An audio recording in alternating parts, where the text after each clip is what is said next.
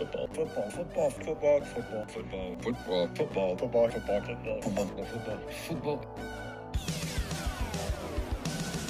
It's the football, football, football, and sometimes other sport show. Here's your host, AJ Nicoletti. What up? FFFSOSS.com at FFFSOSS. Twitter, Instagram, Twitch.tv slash AJ Nick 3 We'll do um, Obi Wan Kenobi episode 3 stuff at the end. So, again, just like on Tuesday's show on uh, this program, I'll, I'll give you a fair warning to uh, to turn the pod off if you haven't seen it and if you're gonna see it. If if you have no interest in seeing it, you know, maybe you listen, you're like, oh, that kind of sounds cool. Maybe I'll watch that. I don't know, I'm just kidding. Anyway, so we'll do that at the end of the program. Um, kind of weird program, I guess you could say. Yeah, we got NBA Finals, but the game hasn't started yet, so we can talk a little bit about more of that. Uh, Stanley Cup playoffs, yes, we'll have uh, game ones done in both the Western Conference and the Eastern Conference Finals, so we'll, we'll touch on that stuff. Uh, PGA Tour is bubbling up with the Saudi Tour uh, London event being announced with who's in that field. So that is certainly blowing up. But again, we'll do soccer in the beginning with some World Cup qualifiers. Uh, that playoff between Scotland and Ukraine. The winner takes on Wales for the spot in the group with America, England, and Iran. So we'll do World Cup qualifiers, and we'll talk a little bit about the UEFA Nations League, which is getting uh, kicked off again in this uh, summer window. Then we'll do some soccer transfer rumors, NFL headlines, look again at the NBA Finals, Stanley Cup playoffs, PGA Tour, Obi Wan Kenobi reaction, and more. So that's the plan for the pod. I don't know how long it's gonna be. If you're if you're getting upset about you know, oh, he doesn't do an hour of sports. He's talking about Obi Wan Kenobi too much. Listen, okay, it's football, football, football. All right. I like the other sports, but I'm not in. I'm not locked in enough. I'm not locked in enough to talk baseball yet. Okay, so you know, don't get on my case. All right, and also it's the summer, so what do you want me to do? All right, so do World Cup qualifiers. We'll do UEFA Nation, UEFA Nation League, soccer trends, rumors, NFL headlines, NBA Finals, Stanley Cup playoffs, PGA Tour, Obi Wan Kenobi reaction, episode three, and more. So.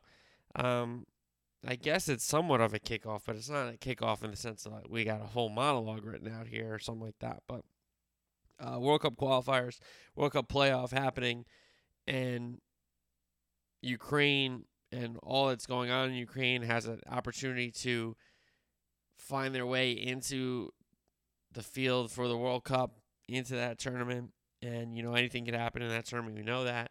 Yeah, it's usually a great team that wins, but you know, it's a funny game when it gets down to penalties, right? So, um, Ukraine having to take on Scotland, and the winner of that match takes on Wales for that final spot in the USA, England, Iran group. And that match took place. And Scotland and Ukraine played in Scotland, and Ukraine won it 3 1. Yarmolenko, Yaremchuk for Ukraine to give them a 2 0 lead. Then McGregor brought one back for Scotland, and the Scots pressed and pressed and pressed, couldn't find an equalizer. Ball went the other way on a counter. Zinchenko let it, uh, left it off for Dovbyk, and he scored.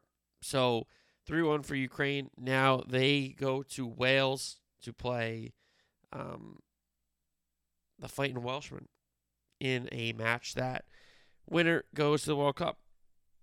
That's it. I mean, it's it's it's a match that I think a lot of players in the world would sign up for. Yeah, you have countries that are usually going to qualify, but these kind of I don't want to call them B tier because B tier should still qualify.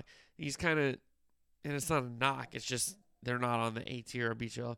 Kind of C tier teams, countries that don't always go, need to when they go, they need to make it out of the group stage to have a memorable run, or else, you know, the worst thing you want to do is lose three games, right? So, Ukraine beat Scotland, and now they take on Wales, and Wales are a very good team. Um, Ukraine have the story, they have the narrative, they have uh, I would say every neutral rooting for them in these matches, unless you're like Scottish or Welsh or have connections to Scotland or, or Wales or whatever. You're probably rooting for Ukraine because of you know what's been happening in their country over the, the course of the months and this just gives them like 90 minutes to think about something positive when it comes to their country and pride and impactful and that kind of stuff. So yeah some things are bigger than sports absolutely no question. But you know to provide a distraction to provide an inspiration to provide a light in the darkness that's kind of what sports can do you know in those in those tough tough moments. So um, ukraine a goal in 90 minutes away from advancing to the World Cup in Qatar. And Wales, it's a tough spot to be in. Scotland was in it on Wednesday of in the way of a great story for a country that's going through it and a country battling adversity not only in sports but, you know, in day-to-day life or death. Okay? So um, congratulations to Ukraine to get to this game. Now, again, Wales, tough spot. I would say Wales have the better 11 of the players, you know, but Zinchenko's pretty good. The other back, uh, Mykolenko, is not bad. He plays in the Prem for Everton. Um, and Yarmolenko are obviously really, really good players and legendary players, but is it enough to beat a Wales side that a lot of those players are really, really good on Wales? So that's going to be a really interesting match. Uh, the Felic- final- Finalissima, Finalissima, whatever the hell they call it, another made up match, right? Because Nations League is made up. Okay, they want to expand Champions League. They want to make up all these competitions because they understand the money, right? But we have the CONMEBOL champ, the Copa America champ in Argentina against the Euro champ, the UEFA champ in Italy in a game in a one-off game at Wembley for a made-up trophy and a made-up game. But it was Messi's Argentina winning 3 0 against Italy. Italy did not qualify for the World Cup. They didn't qualify for the previous World Cup, and they won a Euro in between. So it doesn't really make sense what happens with the Europe, the, the Italian national team. You really can't make any sense of it whatsoever. You know they're really good for a tournament, and then they're really bad for qualifiers. You know, so it's it's really insane the record the Italians have over the last I'd say 10, 15 major competitions between Euros and World Cups, right? But anyway, congratulations to Argentina. I guess you get as much credit as you put into this kind of uh, trophy, I guess you could call it, because there is one. Lautaro Martinez, Di Maria, and Dybala all scoring for Argentina in their 3 0 win. So, congrats to Argentina. Uh, then we go to UEFA Nations League. It begins again.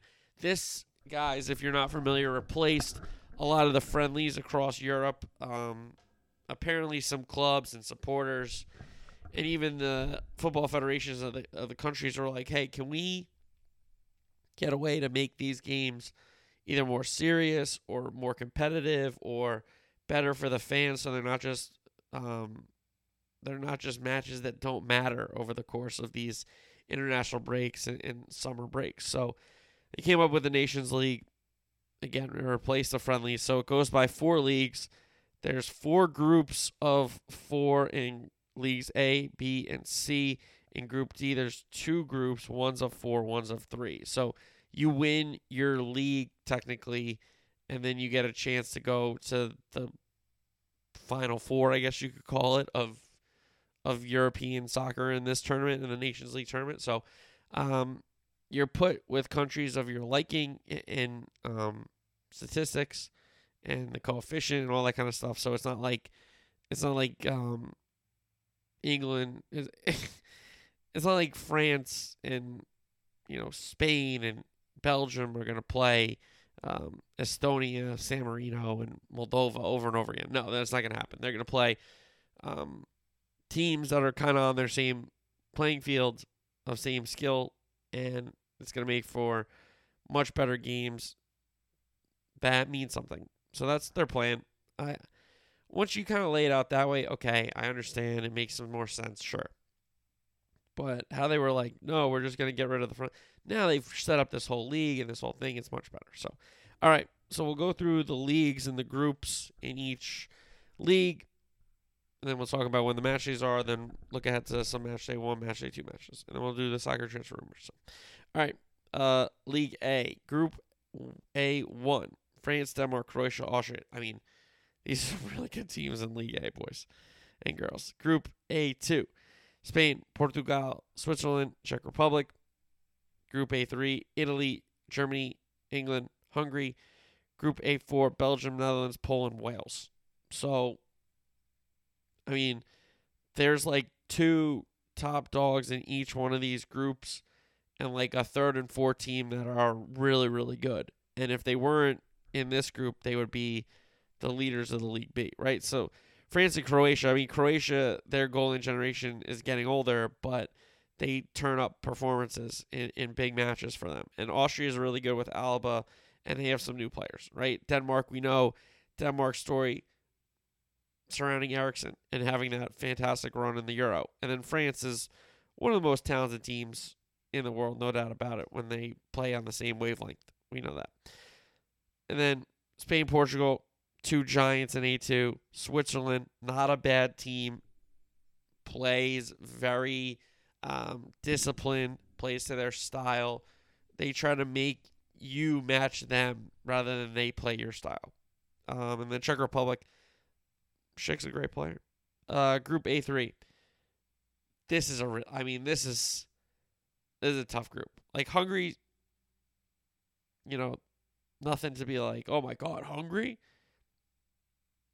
Solid team. Okay. But when you throw Italy, Germany, England in the same group, those are three heavy hitters. And Italy is in such a weird place right now with their national team. I think a lot of people are, are aging with the team.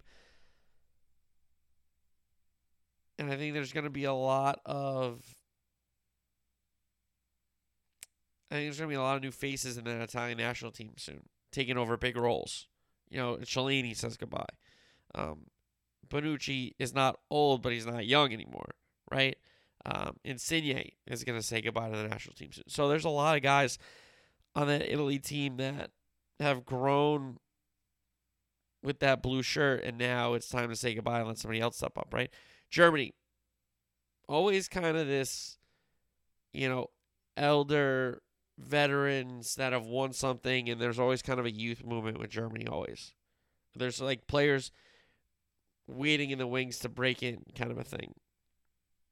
England have made um, the semifinals of the last two major tournaments. They made the final of the Euro at Wembley. Unfortunately, they lost to Italy in penalties to um, not have them get another major trophy in a while.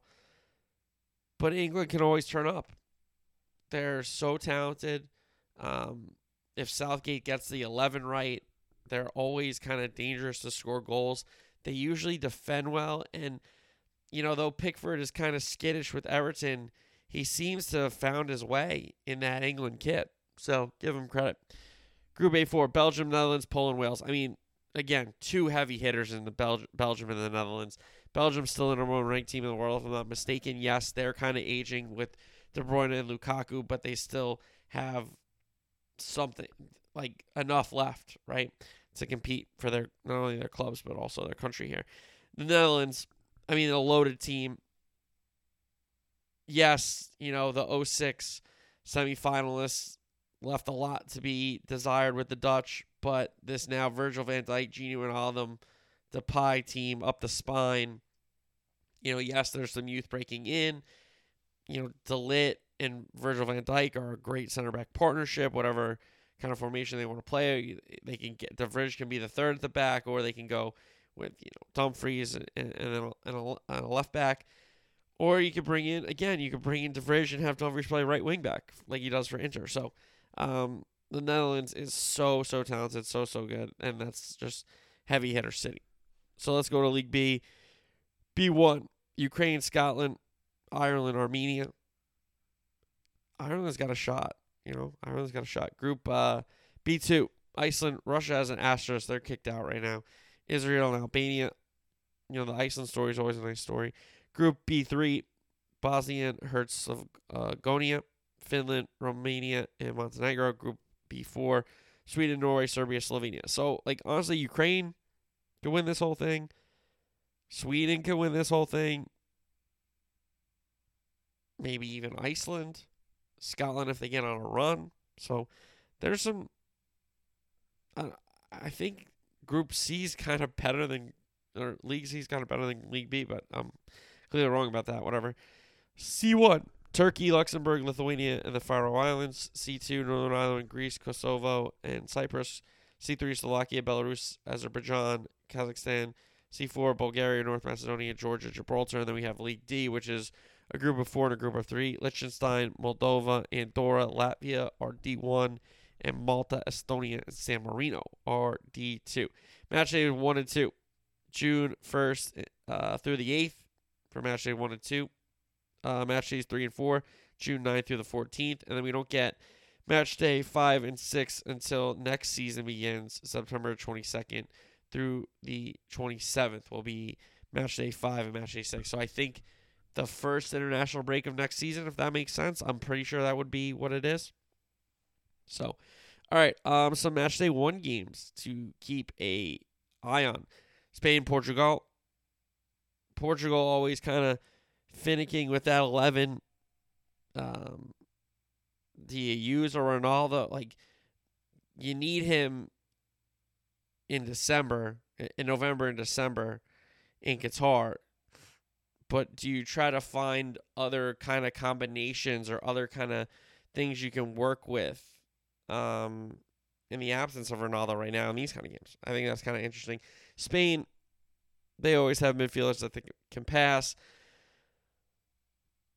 They they don't have like Morata to me is not a consistent enough goal scorer. Like he gets chances and then does not do much with them. He he he leaves a lot to be desired for both club and country, Morata. So I don't really love the Spain strikers. You know, a Gavi, a Pedri. You know, these guys are players in the midfield. Um, you know, they always have midfielders. The defense could use kind of an upgrade. They did grow a little bit in the last tournament for sure. So Spain, Portugal. Belgium, Netherlands, another match day one, outstanding um, game. Belgium, what a team. De Bruyne, best player in the world for me, um, does so much. If you need him to score a big goal, score a big goal. He always makes the right pass. He knows when to dribble. He knows when to pick up the pace. He knows when to, you know, switch it and then get back into the play. He does it all. So, um, De Bruyne for me, I wish there was a De Bruyne cam. I'd just watch him, to be honest with you. Um, Netherlands wise, again, a team that can play two, four at the back, the team that can play three at the back with wing backs. Um, Memphis Depay had a really, really strong Euro. He had a pretty good season with Barca. So is he a guy that can keep scoring goals for the Orange? Croatia, Australia, good game here.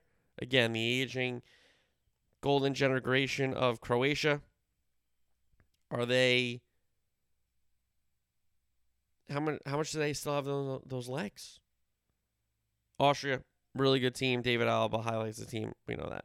France, Denmark. Um, the Danes still kind of I think they're still in a place that is shocking in the sense that what they saw not that they're scarred or they have PTSD, but that's never gonna leave them the Eriksen um you know collapse.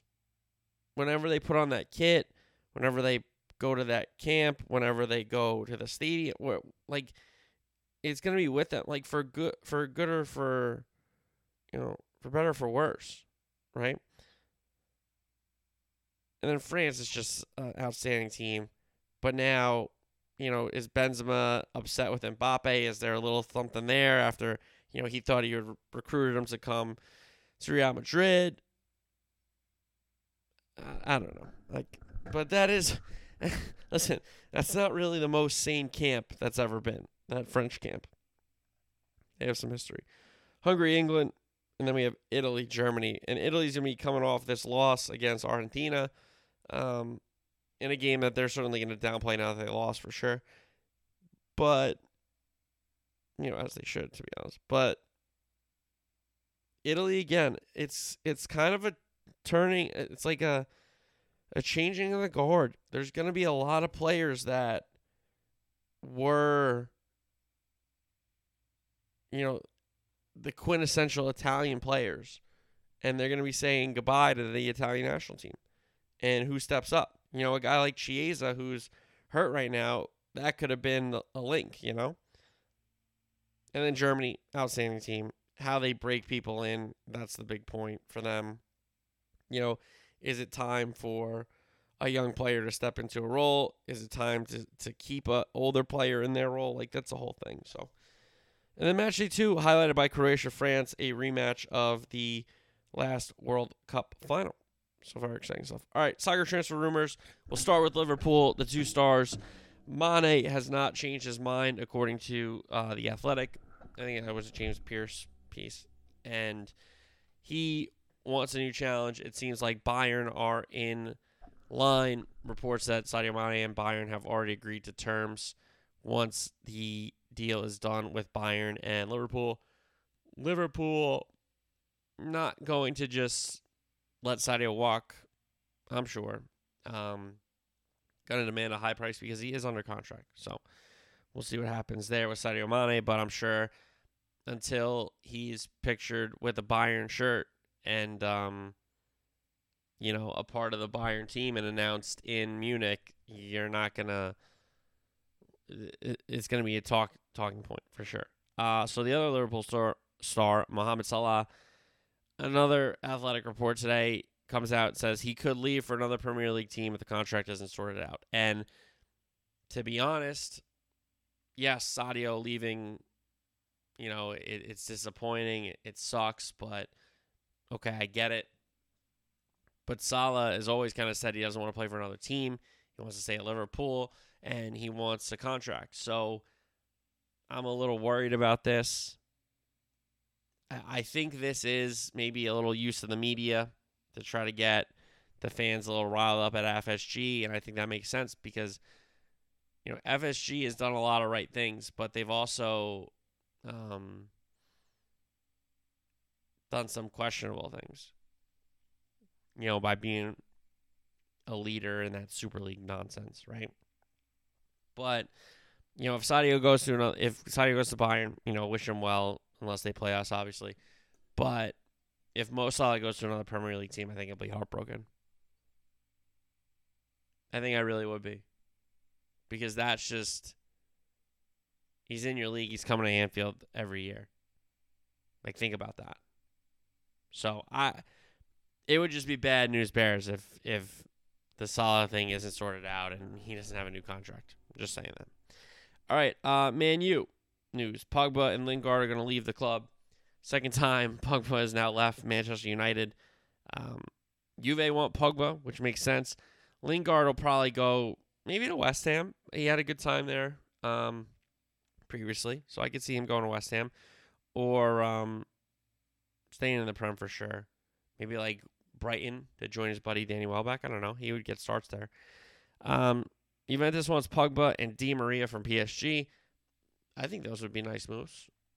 Pogba to bolster that midfield. Yes, it is a kind of crowded midfield, but he did really play well in those colors. That's for sure did Paul Pogba. And Di Maria would be a nice piece. You know, a veteran winger doesn't really hurt you. Um, Barcelona's Frenkie de Jong. Not sure he wants a move from Barcelona. United are apparently trying and um, bidding in real time for Frenkie de Jong's services. But if he doesn't want to move from Barcelona, I don't think they're going to sell him in this because he's never going to agree to a contract with Man U, right?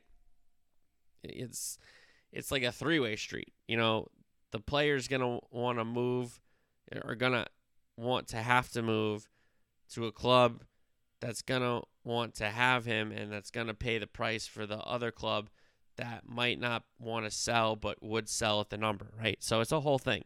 with these transfers, guys. Um, and United are trying to get Frenkie De Jong to step into their midfield. More Barcelona. They're almost ready to announce uh, Christensen coming over from Chelsea and Kessié coming over from AC Milan.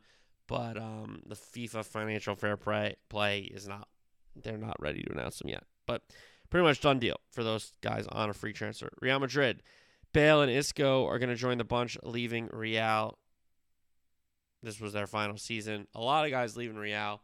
Um, Marcelo, now Bale and Isco. So, um, end of an era for Real, but they always reload. We know that. We know that. Arsenal are interested in Youri Tielemans, the Leicester City player, and to be fair, I thought he would have moved on from Leicester City maybe after last year, um, to try to get into Champions League football and and play with a bigger club. Listen, guys, I'm a big Youri Tielemans fan. I think he's an outstanding midfielder. Moves the ball, can score, can pass, can dribble. Good work ethic back defensively. He does a lot of really, really good things. Um, and he would fit in that Arsenal midfield for sure. Because I think you need to move on from Granit Xhaka. I think El Elneny had a nice season, but Partey should be ahead of him. And then you have, you know, guys like Smith Rowe, Odegaard, Martinelli. They want to bring in Jesus. They want to keep in Nketiah, um, Nicolai Pepe, and Saka. How can I forget Saka? But, you know, if you add uh, to your midfield and have, like, guys up front in Saka, Nketiah, Smith Rowe, Odegaard, Martinelli, like, you're kind of building a good team. So that would be a really good ad for Arsenal, for sure.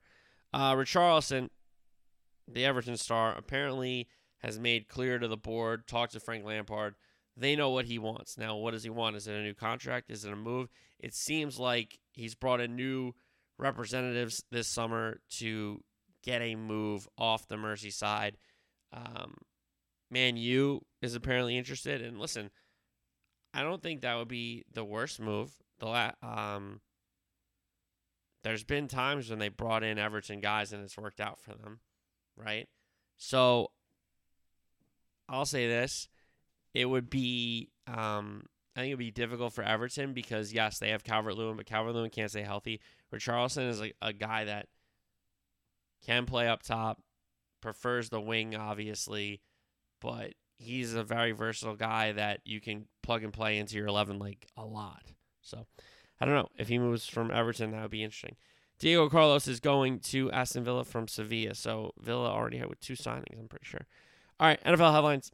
Roger Goodell and Dan Snyder, Washington um, Commanders owner, have been requested to testify in the Washington workplace culture hearing. So we'll have Goodell in front of uh, we got the Senate and Snyder in front of the Senate. And listen, I, I don't think they'll get Goodell, but we'll see. I mean, it's going to be really interesting because again, we got this as this is going on, we have this Gruden um, lawsuit as well. So Goodell might be in court a few times over the next couple years. So we'll see. Uh, Aaron Donald is unsure if he's playing this season still. He's at peace with whatever decision he makes coming off um, his Super Bowl with the Rams. I personally think he's too good not to continue to play. I can understand stepping away, you know, at a young age if you've accomplished everything and you think you might – not continue to be as good or you know that's all you kind of want to do whatever. He's maybe one of the greatest def- no he's one of the greatest defensive linemen of all time. He's one of the greatest defensive players of all time. Just his natural ability his skills his um, work ethic his, the way he studies film and, and adapts and prepares and then executes out there on the field. He's one of the greatest for me for me for sure so for him to walk away as I think he's still almost kind of getting better. I don't know. I think he's just trying to miss some OTs and mini camps. That's that's kind of my guess. And I don't know. We'll see if I'm right. All right. Um, speaking of OTAs, Kyler Murray does show up to Cardinals OTAs after missing last week. They kind of did say that it wouldn't be an issue. Um, maybe they kind of knew he wasn't going to come in last week regardless, but he's here this week and amid that contract discussions or those uh, contract negotiations or contract whatever you kind of want to call them because who knows if they're actually negotiating at a table, or they're just kind of using the media and stuff like that. Um, he does show up to OTAs, which is a good sign. I mean, yes, you understand. I'm sure the players understand the most about guys trying to get their money because it is a business, all that kind of stuff. But if you're a quarterback of a team that's trying to not turn around, because they've been kind of successful recently, but not you know Super Bowl obviously, but to get into the playoffs is a big deal. Um, for a guy who's trying to make a franchise can have continued success with him under center and in the shotgun, I think you have to show up to OTAs. And I understand if you are on your rookie deal and you're upset that you're not making enough money or all this kind of stuff. I get that. But at the end of the day, you're the face of the franchise and you're the quarterback, and it, it all kind of rests with you. It's the most important position in the game for a reason. Like, yeah, you could have a great left tackle, but if your quarterback can't throw to a wide receiver that's really, really good, what does it matter? You know, so I think it's good that he showed up to OTs. I'm sure Cardinals fans are very excited. Chargers were dropped against uh, Denver Broncos wide receiver and former Alabama first round pick Jerry Jeudy out in Colorado. And then we had a couple one year deals. The Tampa Bay Bucks signed Akiem Hicks to a one year deal, and the Vikings signed former Dolphin Albert Wilson, the receiver, to a one year deal. So the Vikings adding some speed for their receiving corps, and the Bucks adding a little bit of depth on that defensive line, which is kind of smart. I think that's always a position where if you could add a veteran that can work in your rotation, you know, isn't gonna command being out there for like 70% of the snaps or anything crazy. You know, defensive line guys, if you're fresh, you can win. Like that's how it happens sometimes, especially later in games. So, two one year signing there, and then we had Stephon Tuitt retire after eight years with the Steelers. Really strong defensive player for them on the uh, on the line there, and a guy who I would always kind of turn to and say, Tuitt playing for them, they're gonna have a good defense in in the sense that he's just one of these Pittsburgh guys that makes sense that he's on their defense. You know, there's just guys that make sense. Like Fitzpatrick fits being a Steeler. You know what I'm saying? So, all right. Um, so that's NFL headlines. Let's do some NBA Finals talk. Again, Celtics Warriors starts Thursday. I think the three big keys here the Celtics' physicality on defense. Um, are they going to be allowed to grab and hold Steph and Klay and, and Poole when they run through these screens through the middle of the floor and in traffic? Because if the Celtics are allowed to like kind of grab and pull and hold, and, and it's not getting called all the time, that benefits them because that disrupts the the timing of the sets or you know that kind of stuff, right? So I think the physicality level from the Celtics defense, what's being called, what's not not being called, you know, what's what's the tone set by the officials in each of these games when it comes to the Warriors trying to run their sets and get to their spots for their shooters coming off screens. So, I think that's number 1 the defense, the physicality of the Celtics and how it's called by the referees. Okay. Then I really think this is a guards and wings series between Smart for the Celtics and the two maybe best wings in the league in Tatum and Jaylen Brown together, at least. And then you look at the Warriors guards and wings with Steph, Klay, and Draymond. And yes, Draymond's they're not asking Draymond to score 35, and no, that's not my point. But he is a wing player and he is a wing defender, and he is a big defender as well when he wants to be. So Celtics physicality on defense. Which wings slash guards run the show? Because again, Marcus Smart is a a really, really good player when he's playing his game and not chucking, you know? but how many times is he going to grab Curry or try to beat him to the spot where it's going to be uh, a, a block instead of a charge and he's going to get in dumb foul trouble? Then you have Payton Pritchard coming in off the bench or White coming in off the bench as a guard to Steph Curry. So Marcus Smart has to stay out of foul trouble and he's got to be a intelligent point guard for the Boston Celtics in this series. Whereas for the Warriors, they just have to do what they've done forever as a as a three. You know, Okay, it's Steph's turn to go. He's feeling hot. Let's run the plays for him. Okay, now it's Klay's turn to go. He just hit a three. Let's run a couple sets for Clay. Okay, now let's put the ball in Draymond's hand and maybe they back off him. He makes a shot, then they step up, and then we can run some action behind that once they step up and they don't give him the three anymore. So, guards and wings, huge. So that takes us to bigs. And the Celtics are certainly more deep at the the bigs um, position, I guess you could call it. Looney is a really, really good player for the Warriors. He knows his role. He knows what he has to do. He knows what he's being asked to do, and he tries to go out there and execute what they're trying to make him do, right? Whereas the Celtics bigs, you know, Grant Williams is different from Al Horford, is different from uh, Rob Williams. You know, Rob's kind of the big defensive presence. You know, Grant's kind of a shooter, floor spreader. So is Al Horford, but Al Horford has better back down moves as a back down veteran, you know, in this league. So, um, Celtics bigs, they have more of them. They're deeper. They have different kind of things you they can throw at you. Um, whereas the Warriors really only have Looney. Yes, they can go small with Draymond, but what do you, is he going to guard Williams in the post? Is he going to guard Al Horford in the post? I don't know. All right, so from the NBA Finals, let's go to the Stanley Cup playoffs, conference finals. Western Conference Finals, game one up first.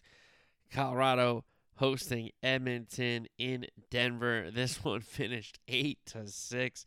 What a hockey game! It was three two Colorado after one. It was seven four Colorado after two. It was seven three at one point after the Avs uh, ripped off three goals in a row. Oilers got the next three technically. They made it 7 4, 7 5, 7 6. Uh, Nugent Hopkins on the power play made it a one, po- uh, one point, one goal game um, with about seven minutes and change to go. Avs held them off. They get an empty netter through uh, Landeskog, the captain there, and a uh, listen. MacKinnon scored. Okay, uh, McDavid scored. They were involved in some other goals as well. Um, I mean, Cale Makar. Cal, Cale Makar is a hell of a player. He's a heck of a defenseman. Let me tell you something. So uh, that was game one of the Western Conference Finals, 8 6. And Gretzky was even saying it. You know, I, I was an offensive player, you know. Um, you got to play defense to win the Stanley Cup playoffs. He's right. 8 6 in game one. So I don't know if we get 8 6 again, but I still think we get above like 3 2. I don't think there's going to be any 2 nothing games in that series. Uh, Mike Smith's not a great goalie anymore, and the Avs don't really have the best goalie either between the pipes, to be fair. So I, I think that series is going to keep. Uh, the goals are going to keep coming. Now, is it going to be 8 6 every game? No, probably not. But I do think the goals are going to keep coming in that Western Conference Finals. And then we had game one of the Eastern Conference Finals. The Lightning, the two time defending Stanley Cup champions, up in New York, taking on the Rangers at the Garden. And the Rangers win it big 6 2. Um, 12 out of the 18 skaters had points for the Rangers. So that's a pretty big deal. And um, 1 1 after one. Uh, Rangers make it 2 1. Lightning answer. And then the kid line went to work for the Rangers. Chytil, Kakko, and Lafreniere. What a line these kids have become, and they're getting better and better game by game in this playoffs, it seems. Uh, the Breadman Panarin gets the Rangers fifth, and then Zibanejad on the power play. A, a slap shot bomb. Uh, great, great, great power play there for the Rangers. So they score another power play goal. That's I think, four games in a row on the power play they scored a goal. So Lightning had made it 1 1. Lightning made it 2 2. But then Chytil gets back to back goals at the end of the second period, or midway through, and then the end of the second period there. And the Rangers didn't look back. The Breadman scored and Zibanejad scores to seal it. So the Rangers can hold serve here. Uh, that at least, you know, the talent in that series is outstanding. It really is. The talent in that series is great. So then we go to the golf world where we have again another chapter of PGA Tour versus uh, the Live Golf Tour, whatever the hell the Saudis are called over there. But now we have another um, a list of players that are going to play in this London event, and Dustin Johnson, among some other PGA professionals, is on that list. And reportedly, Dustin Johnson took over 150 million dollars uh, to go play for the Saudi Tour because the PGA Tour hasn't expressly said that you're banned, but they have made some really strong statements regarding players trying to play in both tours. So again, um, PGA Tour reacted like they reacted previously to, to a, uh, a leaked list of players that had interest or the players the Saudi Tour had reached out to or whatever. So here's their statement on Wednesday. As communicated to our entire membership on May 10th, PGA Tour members have not been authorized to participate in the Saudi Golf League's London event under PGA Tour tournament regulations. Members who violate the tournament regulations are subject to disciplinary action. So it seems like you can play in the PGA Tour, you can play in the Saudi Golf League live stuff, but you can't play in both. So that's where we're at in this golf world. Um, and it is it's getting rather interesting because you have it's it's an interesting sport because it's a sport that's individually based. So if you can secure, you know, your financial career, and you can secure all that, you know, money and say, okay, yeah, I'm not playing on the PGA Tour, but I don't have to worry about money anymore. Um, that's something that I think interests a lot of a lot of these guys, and clearly, you know, Sergio's on this list, and there's a lot of other, you know, a couple major champion. Mark Kaymer's on this list, so it seems like a lot of guys are looking out for their financial well-being, which I can get. Um, but to me, if you're a PGA golfer, wouldn't you want to? Wouldn't you want to be? If if you're a golfer, wouldn't you want to be on the PGA Tour, playing for majors? I don't know. Maybe that's just me. All right, we have the Memorial Tournament this week. Really great tournament at Jack's Place, Muirfield Village in uh, Ohio there, and um, great field as always. We got Rory, we got Rahm, we got Spieth, Morikawa. Bryson's back apparently, which I don't know how he's back after just withdrawing from the PGA a couple weeks ago. I don't know what's changed in a couple weeks. Maybe he's better. Uh, Cam Smith, Cantlay, Xander, Max Homa, Jason Day, Fitz, Hovland, Zalatoris, Rickie, Shane Lowry, Cam Young, Davis Riley amongst the names in the Memorial. Really great tournament at Jack's Place. Okay, so now we're done with sports for the program. So now's the time. If you're watching Obi Wan Kenobi and you have not seen episode three, now is the time to stop the podcast. Okay? And say, all right, I'll put it away. I'll go watch the episode and then I'll listen to it again.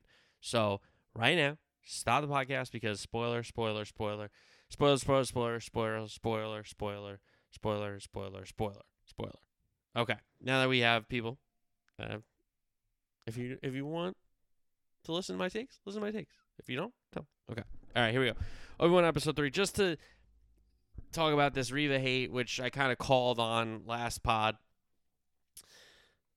Disavow these people that are claiming that you know they know what's right in Star Wars and what's wrong in this character and is horribly written and acted. And shut up, okay? Um, it's really quite typical of the Star Wars community because there's so many people that think they're fans, they think they get it, but they don't. So that's all I have to say about that. So, all right, now let's get into the episode.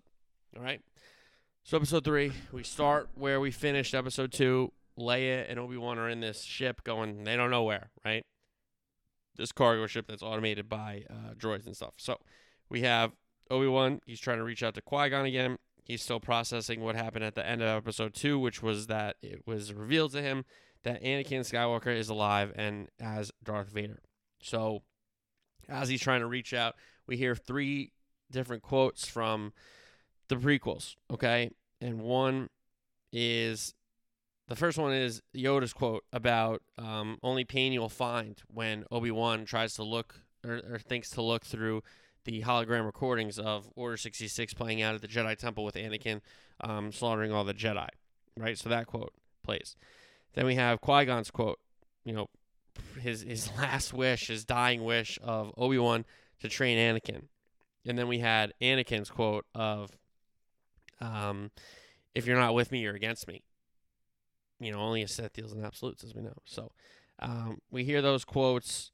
And as that's kind of happening, Obi Wan's trying to reach out to Qui Gon. We have the flash back and forth of Vader kind of suiting up, you know, getting his legs reattached, getting his arm reattached, um, getting the suit kind of inserted into him, and the mask, you know, placed on him, and coming out of that, you know, Bacta tank and the meditation stuff, right? So um, he's on his Mustafar palace.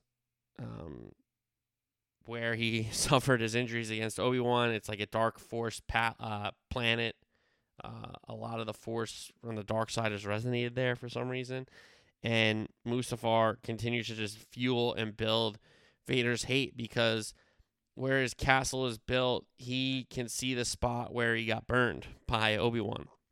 And that duel came to an end, right, with the high ground. So he often looks out at that place. His hatred continues to build and build and build, you know, constantly because of where he is. Um, and then we have this scene between Reva and Vader, and Reva's basically saying, you know, I'm making the calls here. I'm trying to be the Grand Inquisitor. Vader's like, I know you're trying to be the Grand Inquisitor. I think the Grand Inquisitor that we knew and we know from Rebels as well is um, alive because then you have to retcon Rebels as we know but he's alive, but I don't think he's going to be in the rest of this kind of show because they wanted to play out between Reva and Vader and kind of situation. And we'll get to Reva motivation maybe at the end of this, right? So we have this Grand Inquisitor talk about Reva wanting to be Grand Inquisitor, and if she brings Kenobi to Vader, then that's a good that's a good thing for her. But if she fails, he'll kill her, basically. All right, so then we go back to the ship, and we have a really nice scene with Leia asking Obi Wan about the Force and what it feels like and how it works. And Obi Wan comes back with this, like, have you ever been afraid of the dark? And what do you feel when the light comes on? And she feels, she says she feels safe. And he goes, that's kind of what it's like. So then he kind of explains to her that that's not how the Force works. He can't make the ship go faster, and that's a nod to Force Awakens. I thought that was a nice nod. So then we had they're walking on this planet. You know, they kind of sneak out of the ship. Nobody's really looking, and he sees a hallucination of Anakin in his Jedi robes, and of course that's not what Anakin's gonna look like now that he's alive. He burned him with no legs, like he's not gonna never gonna look like that again, right? So clearly a hallucination of me. Obi Wan just again this this PTSD. He's living with these mistakes. He still can't process everything. It, it's all coming so fast at him, right? And you know the clearness of your mind, your mindfulness, how you react in situations. That's like how Jedi were raised and prepared and trained to handle all these things and all these moments and you know sense and the force and all this kind of stuff. And here he is just hallucinating and can't can't get through this this drama and this trauma that he's suffering. So um, then we go to this Inquisitor meetings, um, which basically is just like Reva is saying, "I'm." the one talking to Vader. I'm the one next in line. And then the fifth brother's like, no, you're not. I'm more powerful than you just because you do. So, again, a scene to kind of establish this competition, this, you know, step on each other, like um, dog eat dog world that is the Inquisitors. And then we had a really cool scene where the probe droids were sent out um, with a little nod to Empire Strikes Back, which is cool. So then we go back to where Obi Wan and Leia are, and Obi Wan's pessimism against Leia's optimism, and Leia's just like we people are gonna help us. Like you have to stop thinking so negatively. Like what warped your your mind so much? And Obi Wan's like, you don't understand. Like I'm, he's like snapping at her, and like it, it seems like again, he's still processing a lot of things that just happened to him in the last what you know six, seven, eight hours, whatever it was in the time when Reva reveals that Anakin's alive to them in that ship waking up, and yeah, so I don't know. Um, but again, the pessimism versus the optimism, um, and he, he's kind of upset with her, and it's it's weird. But anyway, so no one's at the meeting point. point, and again, he's he's like, we got to move, we got to do something. we're it was a trap. We're sitting ducks, and she's again like, well, what like why can't you trust people? Like, what's your whole deal or whatever? So, um, so again, her optimism. She sees a little like bus transport thing. She's like, let's flag it down. Like that guy can give us a ride. He's not a bad guy. And Obi Wan's like, what are you doing? So they have this story from the previous planet. Um, and you could hear like Leia screw it up right away. This is my friend father. This is my father, right? So she kind of screws it up all the way. The the driver's like, "Well, that's an interesting story. Hop on." So again, Leia figure out you can trust some people, but not all people, because then they pick up some stormtroopers, and then the stormtroopers hop on. We get a very tense scene where, hey, we're looking for a Jedi. Uh, do you know a Jedi? Have you seen any of them? You know, and then Obi Wan kind of gets flustered, screws up, you know, Leia's cover name, and comes up with a really good on the spot where after he screwed up, he figures it out and he says, um, well, his, her mother's name was Leia. I, I see her mother when I look at her face and all this, and it's very kind of heartwarming. And then Leia kind of, you know, smarter than a ten year old. You know, maybe it's her force, maybe it's whatever, but she's like, "You knew my real mother." You know, are you my father? Kind of a thing, which was crazy. Like, whoa, whoa, whoa! Like, what are we doing here? But um, the Stormtroopers eventually hop off the bus. That was their stop. Very tense scene ends, which was cool. So we got that other Padme reference with Obi Wan. You know, when he doesn't call her the the correct name, part of her story. Um, Leia asks about her real mother, and Leia asks about if Obi Wan is her father, and he's like, I kind of wish I was, but again, that's not like a he was into Padme thing. Like, shut up, you people are idiots. Okay, I could not disagree more. That's not what he's saying. Um, he's just like the whole situation of like what had to happen for her to be where she is right now, kind of a thing. So, um, and then Obi Wan remembers his family. He kind of explains that you know when we're very young, they don't want us to form attachments to our our people, so they take us away from our families, and it's very sad. And he it's kind of reminiscent of how Leia talks to Luke about her mother in Return of the Jedi, which is very interesting in the parallels and the poetry and all the stuff that I talked about on Tuesday's show. So it's very reminiscent of Leia and Luke's conversation in Return of the Jedi after Luke explains that they're, you know, brother and sister and stuff like that, or right before, I guess he explains that. Um, but we get news here that Obi Wan has a brother, which is kind of cool. Kind of, kind of cool.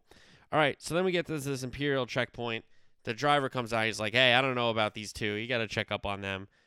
They call in the probe droid. Um, probe droid scans Obi Wan's face, locks on. He pulls the blaster, blasts the probe droid, blasts a couple of the troops. Um, the guy gets sliced by the gate. That kind of sucked. Um, and then one of the stormtroopers takes Leia as like a human shield. He shoots around her and kills the stormtrooper. And just as they're getting through the gate and like, okay, we got to figure something out, another platoon comes up and you're like, "Oh boy, this is this is trouble for the squad right here." Until the imperial officer was actually a good guy, a good girl named Tala, who was the person that was supposed to meet them at the meeting spot, but was late. So if Obi-Wan just like had waited, you know, like a little bit, a little bit of time, then they would have got out of there. They could have got out of there without drawing Vader um, more imperial uh, presence to them you know, we don't know about Vader yet coming to the planet. So, so she explains that they have a hideaway. There's a there's a droid that's not really a uh, talkative one that kind of helps them out and stuff like that. A loader droid, as they call them. And she tells Obi Wan about the path that helps former Jedi and younglings. And we get a Quinlan Vos mention, which is big for people that are fans of the animated shows. He's a Jedi that apparently survived Order 66 as well. And he writes on the wall that only when your eyes are closed you can truly see the way.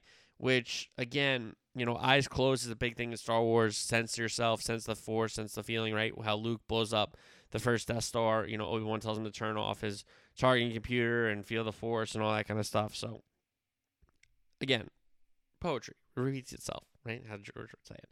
All right, so then we get they're about to leave the hideaway. They're about to head towards the the ship and try to get out of there before anything else happens. But Obi Wan is overcome by the Force, and he's kind of pushed back, and he's kind of like stumbling, and he feels something in the Force, and it's Vader on the same planet as him. Okay, and Vader is the ultimate evil at this point. It's almost the height of his evilness in the sense of his rage and his hatred and all this kind of stuff. Um, he's force choking people. He's snapping kids' necks.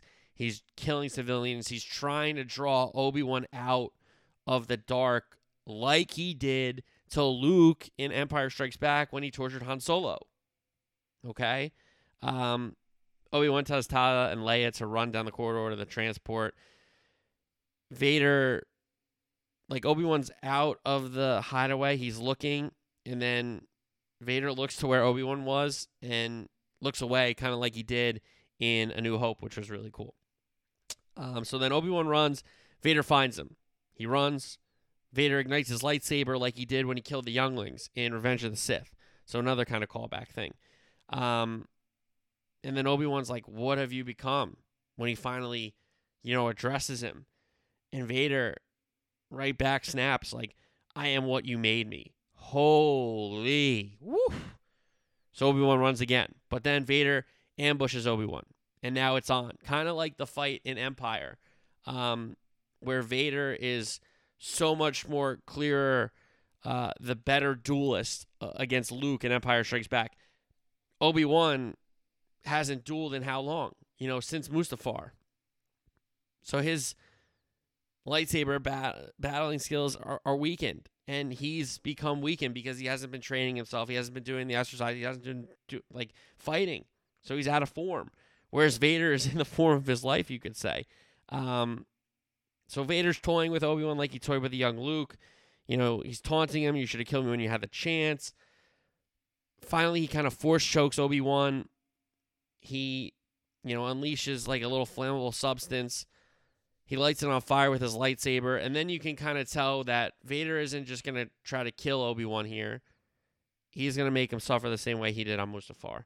And he throws him into the fire. Obi Wan is sharing his pain. And then Vader stops the fire. And he orders stormtroopers to, to bring him Obi Wan because he now he's kind of captured and now he's going to torture him. He's not going to kill him yet. He's not going to do him that favor. He owes him, you know, the suffering that he got. You know, he owes that to Obi Wan. So, all the while, Leia had told um, Tala to go save Obi Wan, which was big, and Ta- and Leia runs down the cor- the corridor by herself. But then we have uh, Tala shoot the stormtrooper. Um, she shoots um, something to get the fire going again. The loader droid saves uh, Obi Wan and um, Vader again. And a, a, lot of complaints I'm seeing. Well, why didn't Vader just kill him? Why didn't Vader just walk across the flames? Why didn't Vader just. Because he knows he's to get him again. He's on the hunt. He doesn't want to just kill him right away. It's it's kind of obvious. Like I don't understand. Like the suit is impenetrable. The suit, the cape, it's it's a really really big deal. Okay, so the fact that he doesn't walk through the fire to go pick up Obi Wan himself or force grab him across or he can do all that or force jump across the whatever. He can do all that. He's letting him get away for now. He wants to think he wants Obi Wan to think he's safe or that he got away. You know, he's to make him suffer. That's the whole point, okay? Um, and then we have, we cut to Leia and Reva, who discovered the safe house, discovered the, the Jedi writing and all this kind of stuff, who had a little emotional moment, by the way, with the Jedi stuff. So she could be that youngling in the beginning. in that scene we saw of Order 66, I'm sure. Okay. Um, she comes to the markings of the safe house, and then she ends up cutting Leia off at the path and kills the pilot. And that's really how the episode ends. And we have another great episode here. And again, a lot of the haters I see on YouTube and all these, con- like, this dilutes and ruins the duel in A New Hope with the dial. I disagree. I think it's adding more and more la- eh, layers, like like how Rogue One added layers to four, five, and six. You know, every kind of line, every scene in this show is adding to every line in A New Hope or every line that Obi Wan speaks in in the original trilogy because we're getting more and more of this story that once upon a time was so vague. You know, you fought in the Clone Wars, uh, as did your father. He was a great pilot, a cunning warrior, and a good friend. You know, like that. That it, it's com- like not only is it a duel on Mustafar and a duel in the Death Star, but now we're getting some more chapters to this history. Like that's so cool to me. And for people to just continue to knock it and then say they're fans, like you're not a fan, you're just a hater. You think you like it, you don't. Okay. Um, I think the Reva arc is very interesting. She has motive, but what is it? We don't know. Is it to be um, under Palpatine? Is it to be Vader? Is it to be the Grand Inquisitor? Is it to be the Grand Inquisitor to get to Vader to kill him to be the second Sith? It's is it is she hunting, you know, Vader by getting him Obi Wan? There's a lot there, so I don't know. I, there's we're halfway through. There's three episodes left. Um, I think it's fantastic. I love it. And you could be like, Adrian, you're just a Star Wars fan. Whatever. I'm a fan. You're right. I am a fan. Good good call. You know? So I don't know. That's what we'll leave it with that. So um, I'm excited for episode four. We'll break that down on next Thursday show, I'm sure, because it comes out on, you know, Wednesday. So we'll just keep doing this in um, Thursday pods for the next three ones, I guess.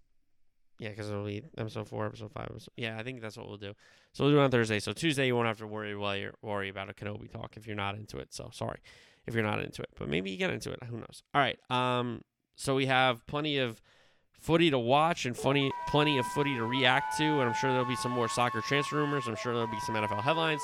We got the NBA Finals getting underway on Thursday and across the weekend, and then of course Stanley Cup Finals, golf, all that. So we'll talk about it next week. Have a great weekend. Until then, peace.